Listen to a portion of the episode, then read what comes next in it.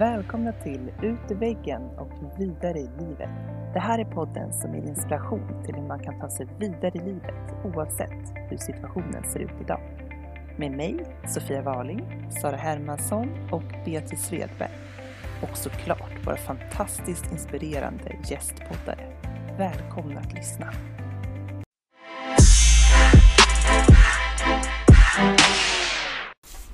Hej och välkomna till ett nytt avsnitt av Ut ur väggen och vidare i livet i denna härliga vårsol.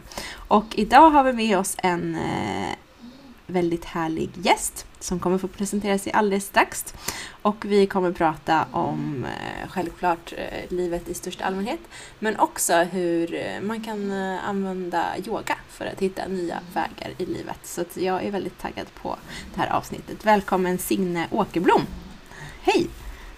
Tack så mycket. Hej! Hur mår du just nu? Hur är livet just nu? Jag mår bra. Jag, eh, jag har ju insett att det är så fördelar och nackdelar med den här coronasituationen. Men en av fördelarna är ju att eh, jag är ett stort fan av frukostmat. Mm. Alltså generellt. Så jag har ätit bananpannkakor till lunch.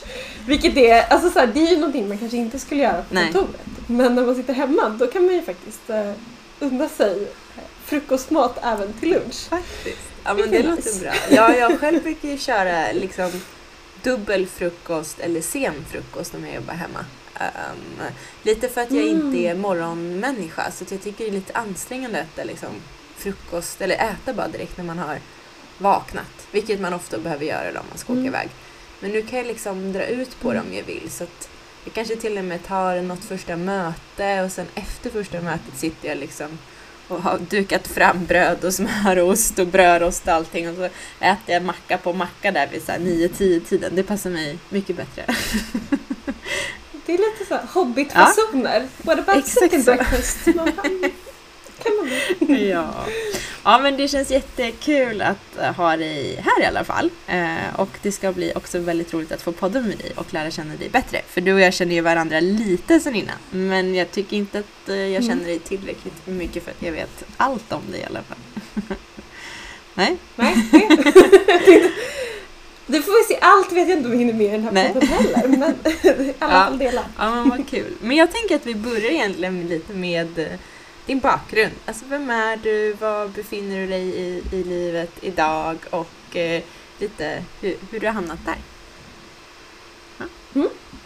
Absolut. Och det, eh, jag är uppväxt i Jämtland. Av någon anledning så när man kommer från Jämtland så är det väldigt viktigt, så här, viktig del av ens identitet att säga att man är från Jämtland. Så av någon anledning så börjar jag alltid där. Eh, Jäm- Jämtland är ju en republik Aha. så att eh, vi har ju väldigt stolt, vi har en egen flagga, vi har en Ja. egen nationalsång, vi har en egen president. Är det sant? Det här som visste inte jag. visste Nej. det. Ja, Okej. nej. Så att där är, där är det viktigt att börja. Eh, sen har tyvärr mycket av dialekten Jag försvunnit. tänkte precis eh, eh, längs säga det. Jag hör inte någonstans att du är därifrån. Nej, Jag tänkte att du skulle säga jag är uppvuxen kommer- i Bromma eller något sånt. nej, men jag har ju bott i Stockholm i över tio Ja. år nu. Så att det, det har sakta men säkert eh, försvunnit. Sen om jag åker Ja. hem, då kommer ju mycket av dialekten Mm. tillbaka. Så att det, den Mm. finns där. Var är Jämtland då Ehm, om man får fråga? men- För Jämtland det är ju väl ganska stort. Jag tänker, hör, nu ska vi testa Ja. mina geografikunskaper här. Men typ Åre och Östersund hör till Jämtland eller? Ja. Yes. Och det är de stora Det är det. det, är det. metropolerna kanske. Ja. Mm. Så lite längre, alltså jag kommer från Storsjöns sydspets. Så i södra Mm. Jämtland, ganska nära med Klövsjö och Mm. Vemdalen och de delarna om man tycker om att åka Ja. skidor så har man ofta koll på. ja, jag tänkte säga, inte det så här, typ längdskidsparadisen? eh, De områdena. Jo, Ja. jo Ja. absolut. Eh, Det finns, det finns mycket, mycket fin snö. Nu är det ju vårvinter så då önskar man ju att man var Ja. där uppe mest hela tiden. Eh, Det är ju det man lever för nästan när man Åh, bor där. härligt. Ehm, mm. Men eh, så, lantis, det tror jag fortfarande att jag är. Även om jag har bott i Stockholm länge så trivs jag väldigt bra ute i, i naturen. Ehm, och har väl alltid varit men jag tänker så här, det finns ju så många saker att berätta men för att få en röd tråd liksom i det vi kommer att prata om, eh, om senare eh, så har jag väl alltid varit en, men en person som men någonstans så här, det här med prestation, alltså vara duktig i skolan, få bra betyg. Mm. Eh, hållit på mycket med men, vad ska man säga, sport, bland annat hästar. Mm. Alltså hoppning, fälttävlan. Mm. Eh, så där får man ju också med sig ganska mycket. Men dels såklart så här, eh, om man tävlar oavsett sport så får man ju alltid med sig delar av liksom, det här prestationsinriktade. Eh, men också eh, så tror jag, jag vet inte om det här, om alla skulle hålla med mig, men om man eh, är liksom hästtjej så är man ofta ganska men liksom bestämd. Man är van att så här, hantera stora djur och få som mm. man vill. Liksom. eh, det tror jag, men jag tror ändå att det är en stor del, eller man, man blir ganska präglad av det om man håller på mm. mycket med Men är inte den sporten också väldigt mycket eh. så här, ansvar i tidig ålder? Alltså du har inte bara en så här mycket fotboll som jag höll på med. Man gick på en träning, sen var det klart. Liksom. Men hästar, det känns som man ska stå och mocka och fixa och man ska ta hand om yngre. Och, alltså, det känns som från väldigt tidig ålder så ska man eh, också vara instruktör och hålla i läger. Och man ska få ett stall och gå runt. Och, ja, jag vet inte, jag, jag upplever att många jag pratar med som håller på med hästar, det är ju mer än bara sätta sig på hästen och rida lite och sen gå hem. Absolut, det finns många saker som ska ja. funka eh, runt omkring, så är det. Och sen är det säkert olika i olika stall ja. och sådär. Eller om man liksom är del av en, en klubb eller om man har ett eget stall hemma. Det, det är nog väldigt olika men jag tror att det finns i alla fall vissa delar av det som är väldigt starkt kopplat till, till ansvar. Så. Um, jag flyttade hemifrån ganska mm. tidigt när jag var 15. Mm. Det är inte så ovanligt när man bor på landet och ska mm. börja på gymnasiet. Um, att man liksom flyttar till en plats där det finns ett mm. gymnasium. I mitt fall var det Östersund och det är väl också en del av menar, att man blir, um, ja, men tar ansvar och blir självständig mm. uh, ganska tidigt skulle jag säga. Um, och gick två år uh, gymnasiet i Östersund sen så hade jag kommit på att jag ville uh, göra ett utbyte. Mm. Så jag körde en liten vad ska man säga, övertalningskampanj eh, för mina föräldrar där för att eh, få åka. Så det slutade med att eh, jag hamnade hos en yogainstruktör i USA. Mm. Uppe i Bellingham, så i nordvästra delen av USA, alldeles på gränsen till Kanada. Så mellan Vancouver och mm. Seattle. Vad häftigt, hur gammal var du då? Mm. Eh, 17. Ja, häftigt var jag då. Ja, det var en utvecklande resa mm. på många sätt. Det är ju ja, men alltid bra att möta olika kulturer och sånt där men det kan ju också vara väldigt ja, men omskakande mm. till viss del när man har en väldigt tydlig roll av men hur saker fungerar, hur folk bör bete sig, hur ja, men alla de här sakerna man liksom navigerar mm. efter. Att när det förändras så kan det bli ganska jobbigt eh, till viss del att så här, förstå vad som händer och förstå hur man själv ska anpassa sig för att ja, men, hitta sin plats i skolan och i gruppen och i, i allting mm. så. Eh, men det var där jag eh, kom i kontakt med yogan för första gången så på riktigt. Um, och då var det mycket, jag höll på med friidrott um, och sprang ganska mycket medel långdistans. Så yogan blev ett sätt att ja, men, prestera bättre, alltså att man kunde träna mm. mer och undvika skador i princip. Så väldigt mycket den men, fysiska biten av yogan, mm. um, asana, olika positioner och att skapa balans i, i leder och annat. Att se till att man är bygger upp styrka där man kanske är lite svag och man liksom ser till att förlänga vissa muskler som kanske är lite korta och så för att skapa mm. balans. Men mycket fokus fortfarande på så här, en prestation. Mm, jag förstår. Eh, Men nu sa du friidrott mm. också, jag blev så imponerad. Så att så här, okay, det var mm. hästar och friidrott eller kom det senare och sen så också åka till USA och sen så också börja hålla på med yoga. Alltså det låter som du, du fyllde ditt schema ganska bra där också.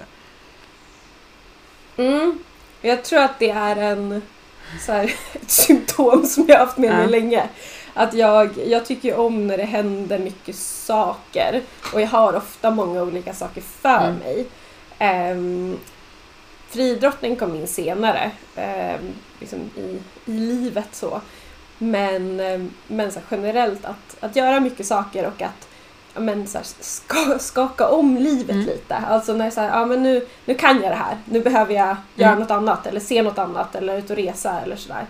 Ehm, och det är väl, alltså jag har ju alltid tyckt att det är kul med alltså adrenalinsporter generellt. Alltså jag har åkt väldigt mycket skidor och gärna ja, men off-pist, um, motorcykel, motocross, den Mm. typen.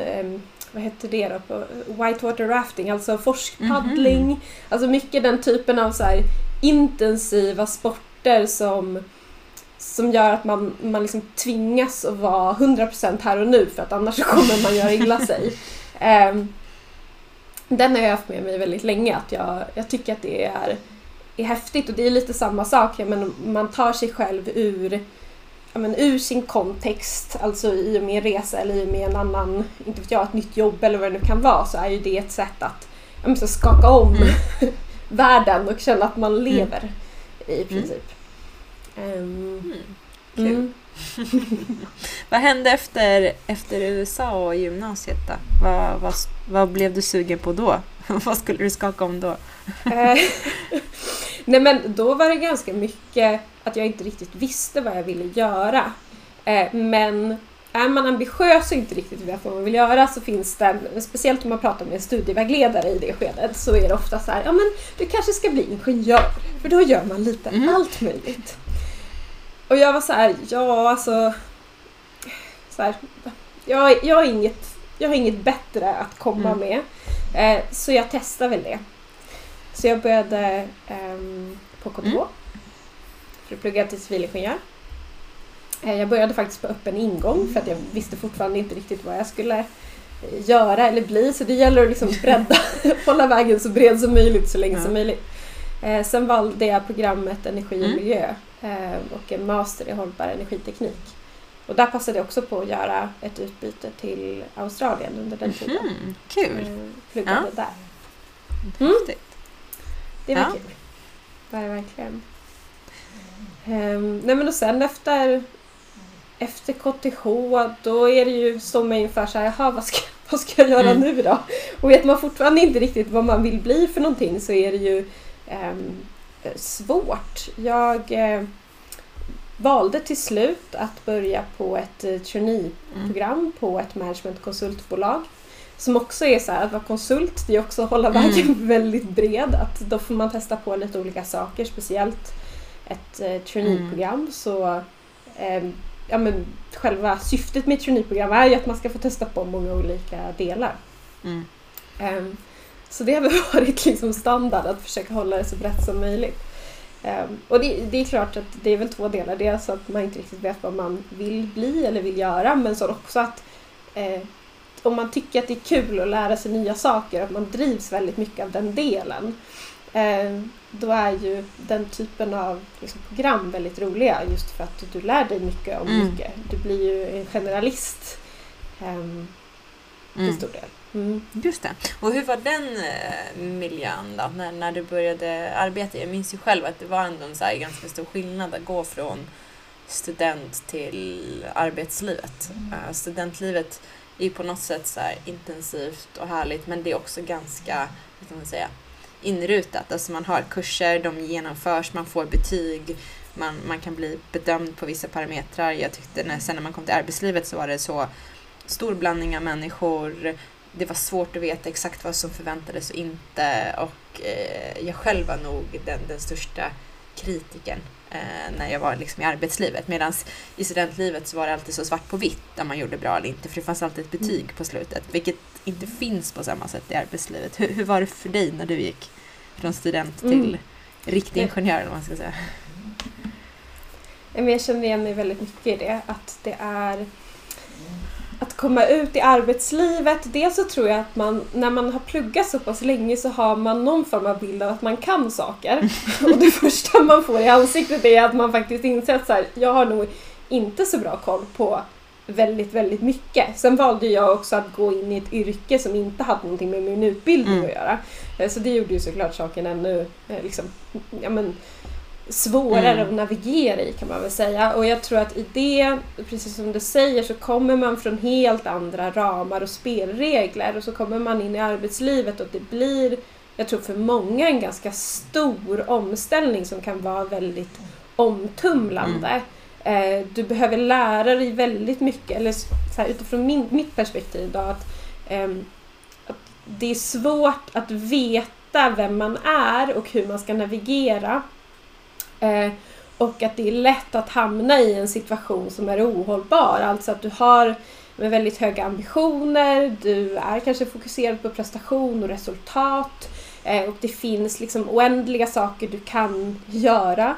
Eh, och i ett traineeprogram, eller det jag gick i alla fall, så var det ju dels att man var ute i, i projekt eh, men sen var det också ett gäng kurser och andra saker som man kunde göra utanför eller som man, man då skulle vara, vara med i, för det var ju del av traineeprogrammet. Eh, som ofta var på kvällar och sådär, vilket gjorde att det blev, det blev en väldigt stor workload och är man inte så duktig då på hur man, ja men vad behöver jag, sätta upp gränser, förstå vad som är viktigt, vad som inte är viktigt. Man lägger ju liksom 110% på varenda sak man ser. Eller jag gjorde i alla fall för att det är så här, Mm. ja, man vill vara så, visa sig duktig för det är ganska, det är klart, man är Mm. ny. Eh, och det finns ju alltid någon form av, men man jämför sig med andra eh, som kanske gått andra program och har med sig helt andra kunskaper. Då tycker man att man borde Mm. kunna allt som de kan plus allt man själv kan. Så det blir ju oftast en ganska, eller för mig blev det en ganska stor liksom, chock eller en liten så livskris i Mm. det där. Att, ehm, Ja, jag måste också fråga, för hitta. att jag har ju själv aldrig liksom jobbat som konsult, men de jag själv har stött på eller känner så kan jag också uppleva att framförallt managementkonsultbranschen är kanske lite mer individuell och competitive jämfört med om du går in i ett kanske typiskt industribolag och du ingår i ett projekt och ett team. Då liksom jämförs man kanske inte på samma sätt emot varandra som man gör som enskild konsult. Eller, eller hur var det för dig? Det är säkert olika också på olika ställen och företag. Ja precis, jag tror att det är väldigt olika på olika konsultbolag beroende på vad, man, men, vad det är för kultur. kultur. Men generellt sett så är det klart att du, du mäts ju på din prestation som konsult och ofta ser det ju väldigt tydligt, men till exempel kopplat till lönemodell, att så här, du hur mycket du fakturerar, alltså på pappret hur mycket du är värd per timme, får du ju hela tiden feedback på. Så det är klart att det blir en form av ja men man mäts på hur man uppfattas, hur duktig man är och det kan man ju verkligen förhålla sig till på väldigt många Mm. olika sätt. Det behöver ju absolut inte vara någonting negativt men jag tror att ehm, för många så kan det nog vara superstressande i början att känna att man inte, ja men ofta har man ju kanske med sig lite liksom någon liten röst i bakhuvudet som säger att man inte duger och att man inte kan tillräckligt och att man inte räcker till och så vidare. Och det är klart att den kan bli ganska stark då i vissa Mm. fall. Men hade du med dig något av dina fritidsintressen in i den här ganska tidskrävande miljön? Jag tänker hästarna eller friidrotten eller yogan eller vart det liksom fullt ut eh, jobb där då i några år? Eh, det blev väldigt Ja. mycket jobb. Eh, och, och mycket mindre av det andra. Det är väl det när man är student så kan man ju liksom lägga upp sin tid Mm. helt själv. Du är, ju, du är ju den enda som blir påverkad av hur mycket eller lite tid du lägger och hur du väljer att lägga upp saker för att klara en Mm. kurs. Eh, och i det så finns det ju otroligt mycket frihet att kunna ja, men, åka upp till Jämtland och åka Mm. skidor nästan varje helg på vintern om man skulle vilja eh, och till och med ta några veckor där man bara är någon annanstans. Ehm, så att det är klart att det blir ju eh, väldigt annorlunda. liksom att, ja. Jag tror att eh, jag tappade nog ganska mycket av men, att sticka ut och springa. Det, vet, det finns ju hur mycket forskning som helst kopplat Mm. till eh, att det är bra. Eh, yogan också så är ju det, ja, men det finns ju så många delar av yogan som är så himla bra. Ehm, och den tappade jag ju ett tag i Mm. alla fall. Eh, tills jag kom till en plats där jag liksom, okej det här är ohållbart. Eh, började ifrågasätta lite mer ja, men hur jag navigerade i förhållande till min situation och insåg väl att nej men det här funkar inte Mm. riktigt. Ehm, så då men jag sa faktiskt upp mig och sen så åkte jag till Indien eh, och utbildade mig till yogalärare. vad modigt tänker jag. Men vad var, vad, någonting måste jag ändå trigga, jag tänker mig så en, en liksom, vad var det som fick vattnet att rinna över bägaren eller vad man ska säga? För antagligen så har det byggts upp under längre tid. Men vad var det som faktiskt eh, vad ska man säga, fick dig att kunna se att det var ohållbart och också våga säga upp dig och ta beslutet att åka iväg? Eh, var det liksom att du, du började må mycket sämre eller var det någon som sa till dig att så här, hallå vad händer? Eller vad, vad var det som gjorde att du, vad ska man säga, push the trigger? Ja men det, det var att jag började må sämre. Alltså att, vad ska man säga, min identitet som liksom ingenjör men också så här, genom livet eller vad man ska säga har varit mycket kopplat till ja, men mitt intellekt. Mm.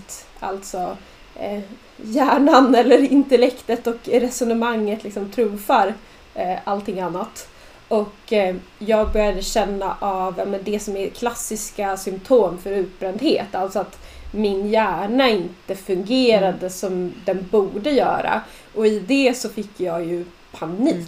Alltså jag blev ju jätterädd för att det är när hela ens identitet är kopplat Mm. till det och det inte funkar. Då får man ju en existentiell Mm. kris. Det är liksom, vem är jag och vad är det som händer? Och tänk, ja men mycket rädsla kopplat till så här, tänk om jag har sabbat min hjärna Mm. nu för alltid för att jag har liksom pushat för hårt och inte riktigt ja, men, hittat en balans och känt av gränser och liksom känt Mm. in mig själv i det här. Ehm, så det var ju absolut det som Mm. fick bägaren att rinna över. Att jag bara, det här, nu, nu, nu blir jag rädd på Mm. riktigt, nu blev det här läskigt. Ehm, och jag tror att i det så eh, då blir man ju tvingad Mm. nästan till att så här, okej, nu tar vi så här, backa bandet, vad var det som hände, vad kan jag göra annorlunda? Ehm, Och hur kom man då på idén Och- att åka tänker jag, till andra sidan världen? Eller var det först en process? Var det liksom, eh, jag säger upp mig och funderar på vad jag måste göra eller kanske inte funderar alls så att man, man kan inte använda hjärnan? Eller eh, hur, hur vågar man också åka iväg med en trasig hjärna tänker jag till ett annat land? Jag tycker det låter läskigt. Jag vet ju själv hur det är att vara i situationen som du beskriver. Och jag minns ju själv hur det är Mm. när man kanske inte ens klarar av att göra en, en frukostmacka. eh, För att hjärnan är Mm. så trött. Eh, Och att då också våga ta ett sånt stort beslut är väldigt modigt, eh, tänker jag. Ja, men jag tror att det är alltså precis på den här tendensen att liksom skaka om, vilket kanske på ett sätt kan vara lite reaktivt. Men att jag säger det här funkar inte, okej, vad kan jag... Och så bara, ja men det där, det blir, det blir tillräckligt liksom långt ifrån det jag Ja. håller på med nu för att jag ska få perspektiv. Ehm, så att för mig så blev det en, eh, ja men lite så här, att dra i någon form av fallskärm. Att jag bara okej, men jag behöver något helt annat nu. Och jag hade ändå med mig så här, delar av yogan som jag inte riktigt hade utforskat men som jag kände till. Mm. Alltså jag visste ju att yogan bestod av flera andra delar än asana. Mm. Men jag hade inte riktigt utforskat dem. Men jag hade väl en känsla av att den... Ja men jag visste ju att, okej, yoga som så här, uråldrig filosofi eh, finns ju väldigt många visdomar som är väldigt starkt kopplat till liksom, självutveckling och till men att det, det kanske var det också, att de frågorna jag ställde mig Mm. visste jag någonstans att jag kunde få svar på inom yogan. Ehm, och då var jag så här, ja, antingen sätter jag mig och läser en bok och tar några video, jag tittar på Youtube en stund, eller så, så här, packar jag min väska och åker Mm. dit och stannar där ett tag och bara lever i det. Eh, och jag, ja, Mm, av någon anledning så tyckte jag att det var värt att ta den mer drastiska. För jag tänker verkligen att du gick ju till, till kärnan på en gång. Alltså, det låter ju som att det blev en så här, nästan ett existentiellt sökande och att då istället för att liksom Mm. signa upp för ett årskort på en yogastudio så bara, nej, jag ska till gru, grunden liksom, där, det verkligen skapades. Så här. nu kör vi. Ja. men verkligen. Jag åkte till Rishikesh också som sägs vara liksom the birthplace of yoga. Vad spännande, nu var jag tvungen att tjuvkika på en karta. Men var i Indien ligger det någonstans? Det ligger ganska långt norrut. Um, jag vet inte riktigt. Um, nu ska vi se. Nu måste jag också uh, så se om jag kan förklara det på något bra sätt. Uh, vi, de flesta har ju koll på den här stora floden som går genom Indien som är uh, helig. Ganges. Mm. Så i början av den i princip mm. um, ligger Rishikesh. Häftigt! Uh, mm. Och det var, ju, det var ju ett äventyr i sig men jag tror som sagt att um, men just det här när man hamnar i en identitetskris, alltså när livet händer och man börjar, man börjar ju ofta då ifrågasätta ja, men både så här, ens världsuppfattning och sig själv i förhållande till det. Mm. Um, och att man börjar på något sätt söka. Det tror jag är ganska vanligt för ganska många, att man har någon form av livskris och sen efter det så, eller i det så uppstår ett sökande mm. på något sätt. Och hur hittar man eh, liksom, mm. jag tänkte vad man, vad man ska. Hade du hittat i förväg någon typ av liksom kurs som låg där eller var det så här, jag tar en enkel biljett, alla här håller väl på med yoga. eller hur gick du tillväga för att äh, åka iväg på det här? Jag hörde faktiskt av mig till hon yogaläraren som jag hade mm. bott hos i mm. USA. Jag eh, frågade om hon hade några mm. tips. Eh, och sen så hade jag en kompis som hade varit iväg på en yogaresa och hon hade varit på samma skola som då den här yogaläraren mm. tipsade om. Um, så då blev det dit. Ja, jag åkte helt häftigt. enkelt. Um, Hur var det då? Jag tänker så här, ja, vad, var, vad var förväntan och vad var verkligheten? För här tänker jag att det kan skilja sig.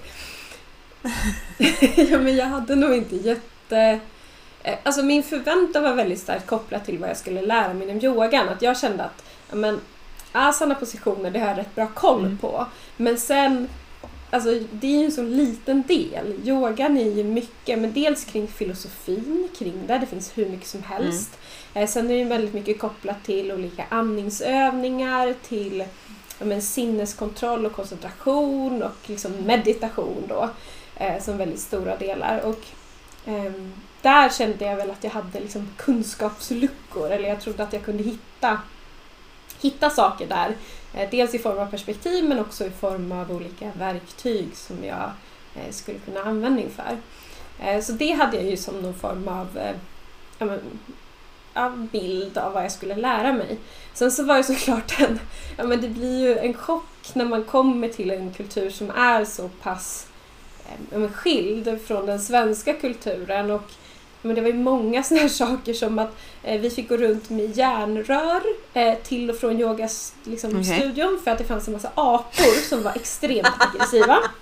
Som man liksom behövde försvara sig mot för de kunde typ hoppa på en och stjäla ens grejer. Oj. Ja men så här, såna, de grejerna har man kanske inte riktigt tänkt på sen innan. Nej, det låter ju inte så peaceful uh, heller. Alltså jag tänker, min, min bild är ju liksom de här munkarna som sopar så att de inte ska trampa på en insekt.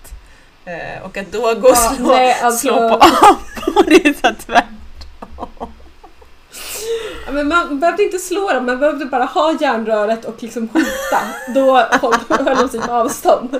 Men de var alltså, det var som ett gäng ligister. Hade man inte det, då blir man inträngd i ett hörn och så blev man liksom det var någon tjej som fick åka in och få rabiessprutor och grejer för hon blev biten. Så, att, så här, de var ju aggressiva. eh, och sen så är ju Indien ja, men, extremt men, kaosigt. Mm. Om, man, om man kommer från en liten by i Jämtland då tycker man att Indien är extremt kaosigt. Um, att det är, ja, men det låter hela tiden. Den här klassiska, alla tutar hela mm. tiden och skriker och det händer grejer och det är liksom smutsigt överallt. Det är kor som går och skiter på gatan. Det är ja, men, mm. mycket är det därför de behöver yogan tror du? Jag tänker det där lät ju inte så peaceful för hjärnan och, och så om man är liksom hjärntrött på det så kanske den där stugan i Jämtland är lite mer rogivande. Men så kan det absolut vara. kanske finns en anledning att den, den uppstod där. Så himla mycket ljud så de bara, åh gud jag måste hitta något sätt att bli lugn. Precis. Ja, Åh, inte gud. tänkt på det på det sättet. Mm. Men, eh, men det måste ju varit en, en kontrast då mot vad ska man säga, vardagen och kanske när man gör yoga. Men när ni gör yoga, är det också massa ljud och grejer sånt runt omkring eller är det mer i en sån här härlig tyst miljö man kan föreställa sig? Nej men absolut, det är ju alltså själva studion eller salen där man gör yoga är ju fortfarande i, i staden. Så att det är klart att man hela tiden hör grejer. Men det är också del av, av så här, träningen eller vad man ska säga. För att yoga eller att ja, men, till exempel meditera. Eh, det är ju ett sätt att, att öva på att vara medvetet närvarande som man sen kan liksom, ta med sig ut i, men oavsett vad man gör. Eh, och i, i livet i stort så är det ju sällan man sitter i ett tyst rum själv. Utan det är ju liksom när saker börjar gunga som man fortfarande behöver ha tillgång till det. Så en del av övningen är ju att kunna sitta och meditera och liksom låta saker ske runt omkring en utan att ja, men, behöva analysera det, behöva em, säga om det är bra eller dåligt eller om bli irriterad utan att bara låta det existera tillsammans med, eh, med en Mm. själv.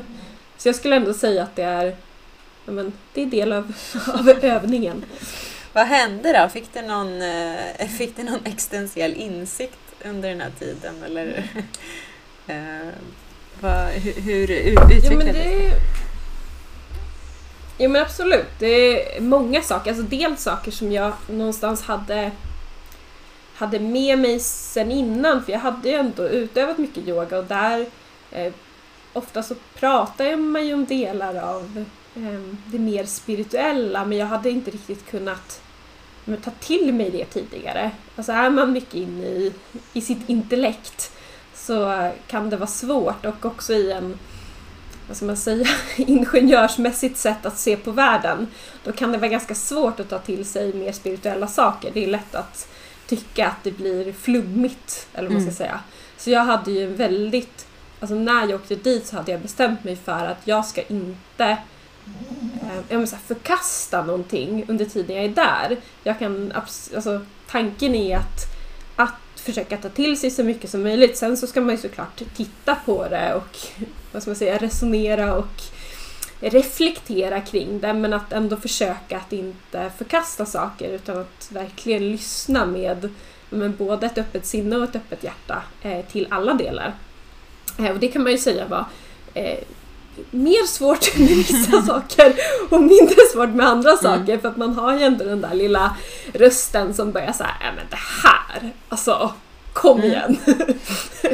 men, men jag tror att en del utav det handlade mycket om, speciellt kopplat till meditationen, att, eh, att jag verkligen hittade en, en plats att vila i, i mig själv. Jag hittade ett sätt att Eh, men, trycka på, lite på stopp.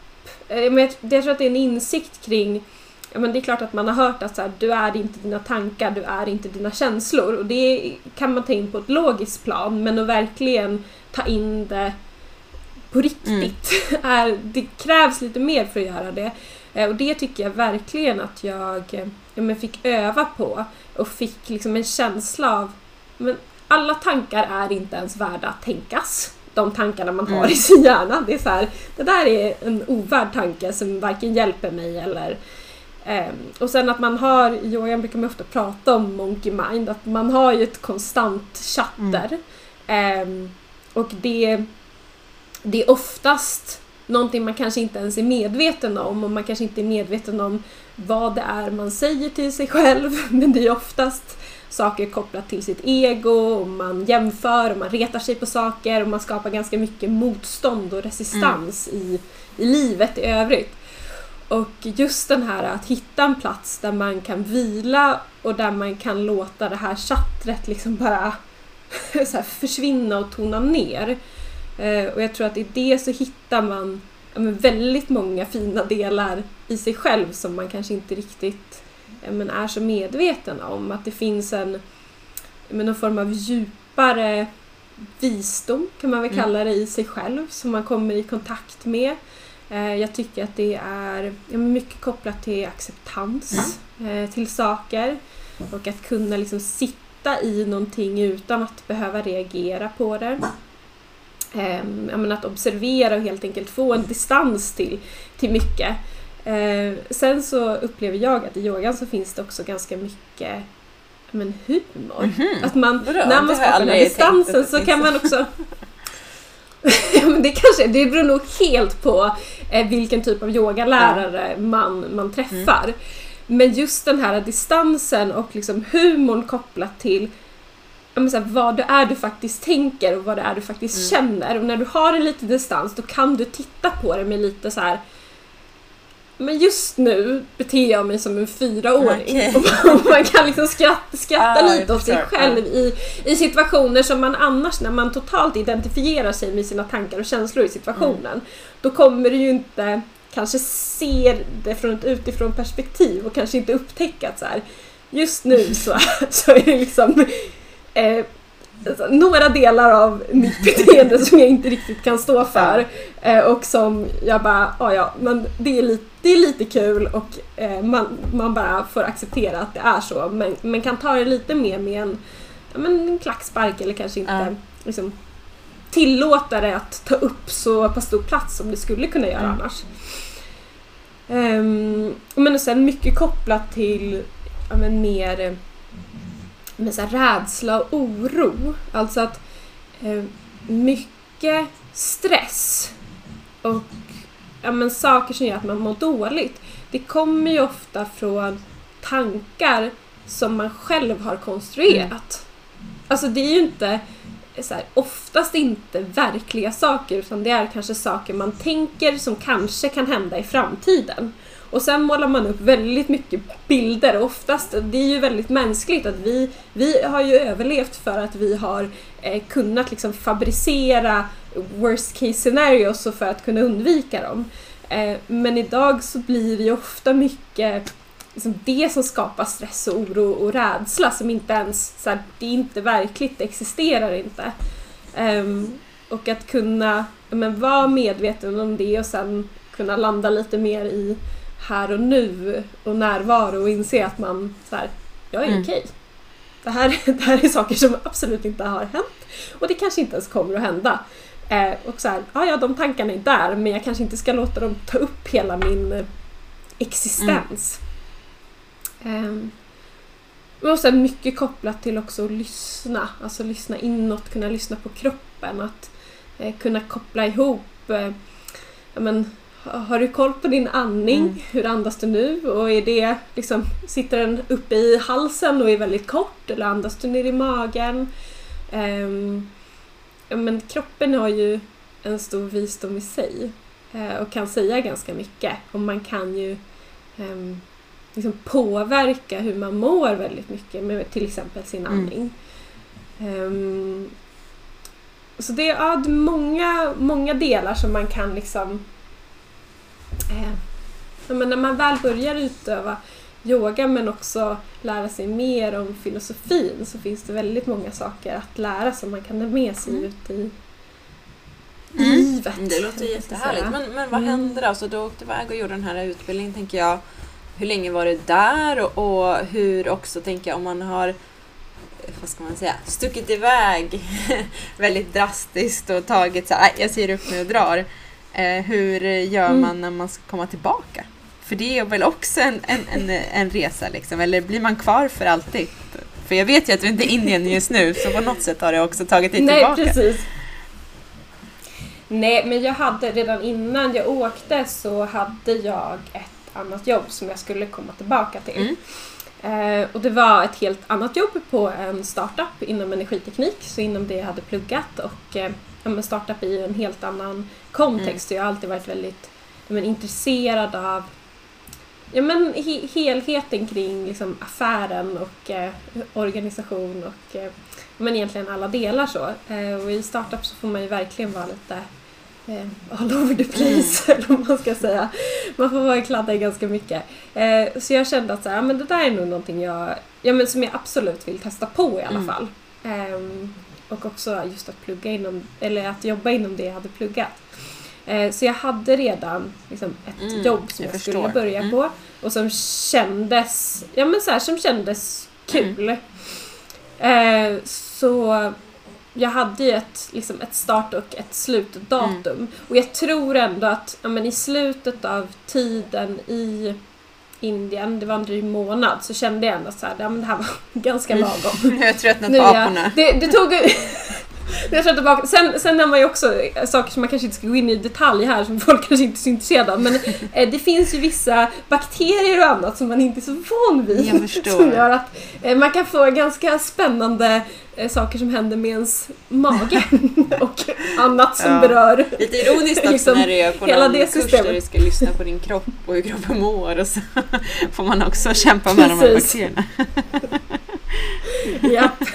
Alltså det, var ju, alltså det var ju alla. Det var ju varenda person som kom dit var, fick någon form av problem vid något form av stadie. Jag fick det väldigt Okej. sent in i. Men efter det så var jag såhär, nu, nu, nu känner jag att jag vill åka hem. Jag förstår. Nu vill jag äta potatis. Nej, men, Åh. Men då kanske det var, var Ehm. också någonstans en, eh, vad ska man säga, en guidance i allting. Att, att det ändå hade någon form av vad ska man säga, åter, återvändsplan eh, också att få, Mm, få komma absolut. tillbaka till. Så att det inte var någon tomhet som väntade liksom, när, man, när man kommer hem.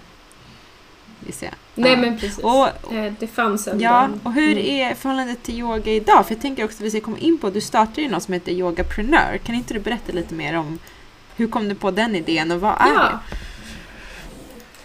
Ja, men jag började ju hålla, hålla yogapass och vara yogalärare när jag kom tillbaka. Ehm, och jag, jag, säga, jag har alltid varit driven av hållbarhet skulle jag säga på, Ehm, på alla möjliga sätt. Det var därför jag valde energimiljö och energiteknik och sen så ehm, ville jag lära mig mer om mer organisationer, hur saker funkar. Eh, liksom den andra delen, inte tekniken utan eh, ja, men, och då blev konsulttiden ett sätt att liksom lära sig det. Ehm, men sen under, under tiden jag fördjupade mig i yogan så blev kopplingen väldigt stark mellan yoga och så här, hur människor mår och hur stor ens empatiska sfär Mhm. är. Alltså om jag mår dåligt och är stressad eh, då har jag ofta fullt upp med vad ska man säga, mig själv Mm. och kanske min familj men inte så mycket mer. Men människor som mår bra, är lugna, är liksom, ja, men närvarande, har en, ja, men ganska stor nivå av eh, vad ska man säga, självmedvetenhet. Eh, Jag ja, men, tror och jag, men, är övertygad om att man då är duktigare på att ja, men, se, se andra, både andra människor men jag tror också kopplat till mer men, hållbarhet i stort, alltså till Mm. miljö och till andra saker. Att, ehm, Mm. Man har ork att lyfta blicken och ens ja, men, empatiska svärd då blir Mm. blir större. Eh, och jag vet inte, det, här, det kanske är en konstruktion av mig för att jag behöver någon form av mening eller röd Mm. tråd i det jag gör men, men jag tror att forskningen också visar att det är det som händer i Mm. hjärnan när man liksom, ja, mår bra och inte är stressad och så. Mm. Eh, nej men, och efter det så men startade jag upp dels en yogastudio med två stycken Mm. till, eh, Norrviken Yoga. Eh, och sen så eh, var det en annan bekant som driver en yogastudio och vi började prata mycket kring Ja men lite så här kring hennes affär. Ofta så är eh, yogalärare väldigt duktiga på yoga men sen så har de väldigt svårt att få ja, men så här, en lönsamhet Mm. i, i businessen, alltså de här andra delarna. Eh, och eh, jag har väl alltid varit intresserad av det och sen så har jag varit del av vissa ja, men inkubatorer och jobbat lite med startups på olika sätt och liksom alla delar av eh, men liksom bolag och affär. Eh, så jag ja, men hjälpte henne kring, hon ville gärna bredda eller hon behövde liksom göra någonting annat för att få sin business att ja, men helt enkelt bli lönsam. Eh, så jag började hjälpa och coacha henne lite eh, där kopplat till Mm. det. Um, och, det, och, det, var ju superkul att liksom få, få båda de här delarna, både kopplat till yoga men också att kunna hjälpa till med det. Mm. Uh, så Yogapreneurs var, men, är ett, ett sätt att liksom binda ihop de här två och helt enkelt hjälpa yogalärare mm. med businessdelen. Mm. Och, och i det så, men jag tror att vi, eh, när man när man driver bolag, det man ser ganska snabbt är att den ena delen är ju självklart men, ens kunskap mm. kring menar, att driva företag. Men den andra delen handlar väldigt mycket om men, ett, ens mindset. Alltså om man ens tror att man kan från början. Mm. Alltså vad är det man har med sig för liksom, övertygelse? Vad är det man tror sig veta och vad är det man liksom, agerar efter? Eh, och att jag märkte att det var ganska många som egentligen, ja men det mesta kan man googla sig till när det rör hur ska jag öka mina intäkter? Mm. Alltså du kan, du kan googla det och sen så kan du få upp en massa olika saker. Eh, så mycket handlar ju om den andra delen, alltså vad är det jag behöver liksom ha för tankar och känslor för att kunna genomföra och liksom agera på det här med ja, men, ja, med, med en övertygelse om att det kommer gå bra. Mm. Eh, så då utbildade jag mig även till NLP-coach. Mm -hmm. Och NLP på engelska är Neurolinguistic Programming. Mm. Eh, och det handlar egentligen om ja, men, neuro, alltså hjärnan och våra tankebanor och hur vi filtrerar och sorterar information och bearbetar information. Mm. Eh, och lingvistik handlar egentligen om liksom, hur kommunikation, alltså hur vi kommunicerar med andra och hur vi kommunicerar med oss själva. Eh, och programming handlar ju om ja, men helt enkelt ens programmering, alltså ens vanor. Eh, men man kan koppla det till thinking fast and slow och så system 1 och system 2. Alltså system 1 är ju men hur vi gör saker och hur vi ser saker och att det är ganska liksom inbyggt. och att man, det, man behöver först bli medveten om men sen börja liksom kanske förändra det till viss del för att men, interagera med världen på ett annat sätt. Um, så att det är liksom ja, men helheten av det med yogan och med lite mer mindset-biten och sen med affärsdelen mm. av det. Mm. Uh, men, men det här är ju superintressant. Du menar alltså att, att det du såg, mycket av det kanske inte var man säga, de gjorde fel, men det de behövde liksom utveckla var snarare hur de uttryckte sig än, än den faktiska, liksom, vad ska man säga, teoretiska affärsmässiga biten. Eller Ja, ja men eller hur de, hur de såg på sig mm, själva. Mm, okay. Att så här, yogalärare eh, ser ofta på sig själva ja, men som yogalärare. Men kanske inte lika ofta som en, ja, men, en affärsägare som ska driva intäkter. Och att det i vissa fall men kanske inte ens går ihop. Mm. Alltså att man eh, är spirituell och då är det fult att tjäna pengar. Mm. Eller förstår. förstår Det finns så mm. många sådana delar som man behöver liksom arbeta med på olika sätt. Det finns många som tycker att så här, sälj, det är, ju fruk- alltså, det är ju fult. Det kan man ju inte hålla på med när man är yogalärare. Mm. Och då blir man så här, fast om du inte, du får ju tänka att du det finns personer som har ett behov som du uppfyller och du ger någonting till dem som de tycker är fantastiskt och värt extremt mycket. Mm. Och det du gör är ju att liksom hjälpa dem att hamna rätt. Mm. Och att om du inte tar betalt för det då kommer ju inte du kunna ge det här varken till dem eller till några andra och att det finns liksom en um, så många sådana mm. bitar mm. som ofta ja, men sitter i hjärnan och, mm. och som kan sitta ganska hårt och när man är övertygad om att sälja är fult då kommer man ju aldrig någonsin bli duktig mm, på det heller. Du, ja. Det kommer ju spegla hur du interagerar i liksom alla delar kopplat mm. till det. Ja, men jag, jag, kan verkligen se hur det är som två världar som liksom, vad ska man säga, kolliderar. Att, eh, att de här mm. väldigt, nu har jag en nidbild av den här eh, väldigt inbitna typiska yogaläraren som, som eh, verkligen så bor och andas eh, liksom allt det här som, som har med yoga att göra och eh, tänker karma och eh, man ska vara snäll mot alla och så vidare. Och att att ta betalt blir fult. Medan å andra sidan mm. och, och, har vi liksom, och att de ser lite som vad ska man säga, att ta betalt i den här västerländska hemska kapitalismen som man på någon, något sätt måste mm. finnas mm. i fast jag vill helst inte göra det. Uh, och jag kan se hur mm. det liksom ja, jag, jag, jag förstår ju verkligen vad du menar. Jag har stött på många yogalärare eller studios som kanske har lite svårt att sätta värde på sin egen verksamhet. Uh, Mm. um, och att eh, det såklart mm. blir svårt då att, att driva de företagen. Uh, mm. De har liksom lite, lite för gott hjärta och tror att, att, att det är ont att ta betalt. Uh, men och det här, det är ju verkligen inte alla. Vissa mm. är jättebra på det. Men jag tror ändå att det, eller vad jag har sett så finns det liksom en majoritet som ändå, där, där de två bitarna liksom inte de, pass, de, passar, de får inte att passa ihop. Mm, jag förstår. Men, men man, det låter ändå som mm. på dig att man verkligen kan få dem att passa ihop.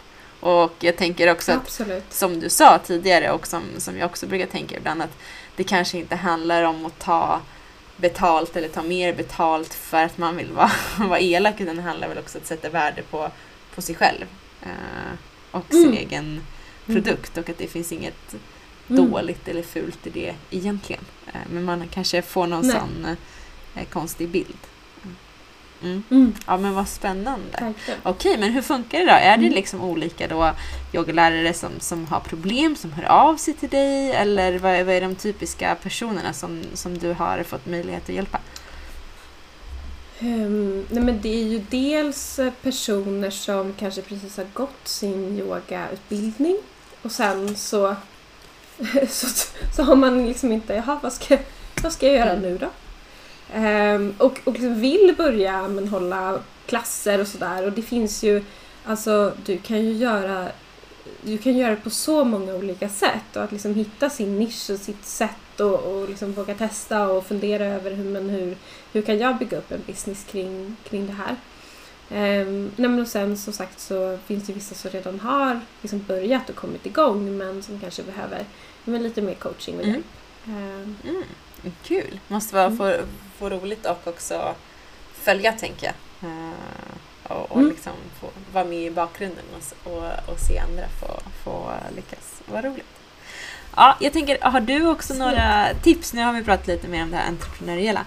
Men, men om det är, finns mm. personer där ute som faktiskt eh, vill fördjupa sig inom yoga, som kanske är mer som, mm. som jag, som har gjort det någon gång på något eh, gym och tänker att det är mer en så här ett träningspass. Och man, jag, jag själv måste säga att jag blev ju mest stressad av sånt där för man var tvungen att så här, boka och så var det någon kötid och sen så var man tvungen att vara där en god tid innan och sen så ska man vara på någon stressig gymlokal och oftast så kanske det runt omkring gav mig mer stress än vad jag fick lugn under själva klassen. men, men har du några tips om, det kanske kan vara mer än, än, än det tänker jag, eh, eftersom du har fått fördjupa Ja, absolut. Jag tror att men som sagt, många eh, tänker ju att yoga bara är de fysiska positionerna och de är ju så fantastiska på så många sätt.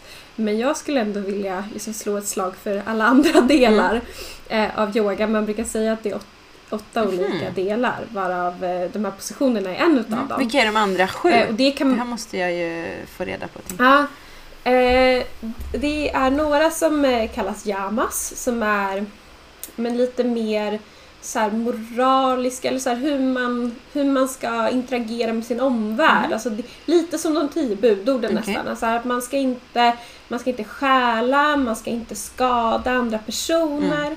Mm. Eh, men där finns det ju en liksom, yogisk take på mm. det. Eh, och de tycker jag är väldigt ja, men, så här, fina att reflektera över. Um, ofta när man tänker jag ska inte skada så tänker man ju på men så här, jag ska inte slå andra eller liksom trampa ihjäl eh, myror eller vad det nu kan vara. Men eh, det handlar ju lika mycket om så här, självkärlek och att så här, vad är det jag tänker om mig själv mm. och vad är det jag gör som... Eh, så att de går ja, men det är mycket så filosofi. Mm. Eh, där kan man ju ja, men dels läsa på själv eller så kan man ju, ja, men lite som en bokklubb, att man kan gå igenom dem eh, tillsammans med ett gäng och mm. liksom snacka om dem från olika vinklar och så. Eh, och sen så finns det Nyamas som handlar mer om ja, men så här, hur, hur man ska leva. Inte ska, men det är ju, jag skulle säga att det finns, det finns inga skallkrav kopplat till yogan, men det finns liksom ja, men så här, förhållningssätt och om man förhåller sig till dem eller har dem med sig så brukar man oftast ja, men må bättre. Så. Mm. Eh, men det är mer kopplat till men så här, eh, renlighet till exempel är en utav Okej. dem. Eh, och, och det kan man, alltså de kan man så här, utforska. Eh, man, man kan se att de är skrivna för väldigt många tusen år sedan. Mm. så att eh, man får ju liksom ta dem i förhållande till ja, men den verkligheten man har nu. Eh, men sen är det asana, de fysiska positionerna. Eh, och så är det pranayama eh, som handlar om andningen. Eh, och där finns det ju hur mycket olika andningsövningar som helst. Allt ifrån liksom väldigt enkla till liksom avancerade på olika sätt. Det finns mycket att utforska där. Ehm, jag tycker att ja, men bara att vara medveten om sin andning under dagen och att så här, några gånger per dag bara tillåta sig att ta tre, fem djupa andetag eh, kan ju göra magi verkligen. Ehm, sen är det en som heter Pratyahara, eh, som handlar mycket om men, eh, vad ska man säga, de olika sinnena. Ehm, Eh, här, ett exempel på hur vi utövade det, eller hur man kan utöva det är eh, med en så här vipassana meditation. Det är kanske ett extremt exempel, men då är man ju tyst i tio dagar, så man pratar inte med någon. Mm. Sen gör man, mediterar man också under den tiden, men, men det handlar mycket om liksom, de olika sinnena och att ja, kanske ta bort något sinne och att ehm, liksom, hitta, hitta ett djup i, i det Mm. och hitta erfarenheter och visdom. Ehm, det, sen de, de tre sista eh, handlar egentligen om olika stadier av liksom, så koncentration och fördjupning som går in i, i meditation och eh, det sista steget är en form av så här, hög upplysthet. Eller vad man ska säga. Eh, och så här, alla de här eh, delarna är liksom vägen mot det här sista stadiet. Så.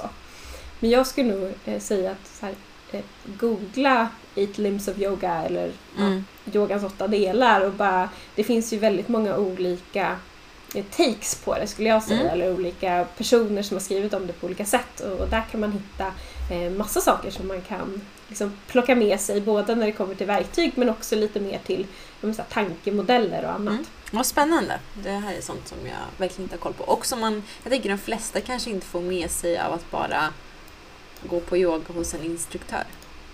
Eh, Det är oftast inte det som man hinner vara med om på 45 eller 60 minuter i något liten, Nej. på något gym. Ja men vad kul, tack så mycket. Ja, Jag tänker att vi ska börja runda av och jag tänkte kolla om du kanske har tänkt på någon låt som du tror kan passa för runda av det här avsnittet. Ja, alltså jag började ju gå igenom lite så här yogaspellistan. Ah, Men sen så, ins- sen så insåg jag att så här, nej, men det hade jag faktiskt inte lust med. men yogaspellista är de Eh. här, eh, nu tänker jag så här, eh, nidbilden av yogalåtar, de här lite lugnare och så säger någon lite ord på, jag vet inte vad är det för språk, är det hindi, heter språket så? Eller vilket språk är yogaspråket? Ehm, eh, alltså det brukar ju vara eh, Sanskrit i de det flesta Okej, mm. grejerna. Mm. Mm. Eh, men det brukar vara olika mantran och sånt i Mm. yoga. Eh, men sen så kände jag så att ja, men nu, de flesta sitter hemma och jobbar och livet är lite så här, ja men man behöver en liten eh, upbeat. Ja, kan Det jag låter tycka. trevligt. Mm. Eh, så jag valde Good as Hell Oh, med. Lizzo. Ja. ja men, vad kul. Men är det en, en låt du själv eh, använder? Kanske inte när du vill göra någon typ av yoga, men i andra sammanhang? Nej, inte när vi gör en typ av låda, yoga. Men det är en låt som, nu vet man vaknar på morgonen och är lite så här, mm, inte riktigt taggad på så mycket just Ja. nu. Och så sätter man på den låten och så dansar man hela låten. Man måste dansa Okej. hela låten och skaka så mycket rumpa man bara kan. Och liksom stora rörelser och så. Jag lovar att så här, när den låten är klar då kommer du känna att livsgnistan har liksom, den har tänts Ja, lite mer. Det låter jättehärligt. Jag tycker man kan få det som en så här, uppgift att göra. Många är ju också så här, för sig själva hemma också. Så då kanske man Mm. faktiskt kan passa på att göra det nu. Ja men jag tycker det. det behövs. Vad roligt. det, man behöver en balans mellan att eh, sitta tyst och meditera men nu är det ju många som sagt som sitter hemma och det är ganska tyst och lugnt och så. Ja. Och då behöver man den här andra delen också. Ja men vad härligt, det låter jättebra att få höra det från en, en yogalärare som säger det också. Det känns det väl kanske ännu mer rätt. Ja men gud vad kul. Ja men vi ska tacka dig så jättemycket Signe för att du ville vara med i våran podd. Och så tänkte jag också att vi får önska stort lycka till till dig här i framtiden. Vad, vad händer närmsta månaderna? Jag vet ju men, men En ensamboende hund med So barn ja. som jag I Så jag, ja, det ska vi säga. Så jag, jag tänker att det blir mer fallslöjor. Men det är härligt. Absolut. Ja men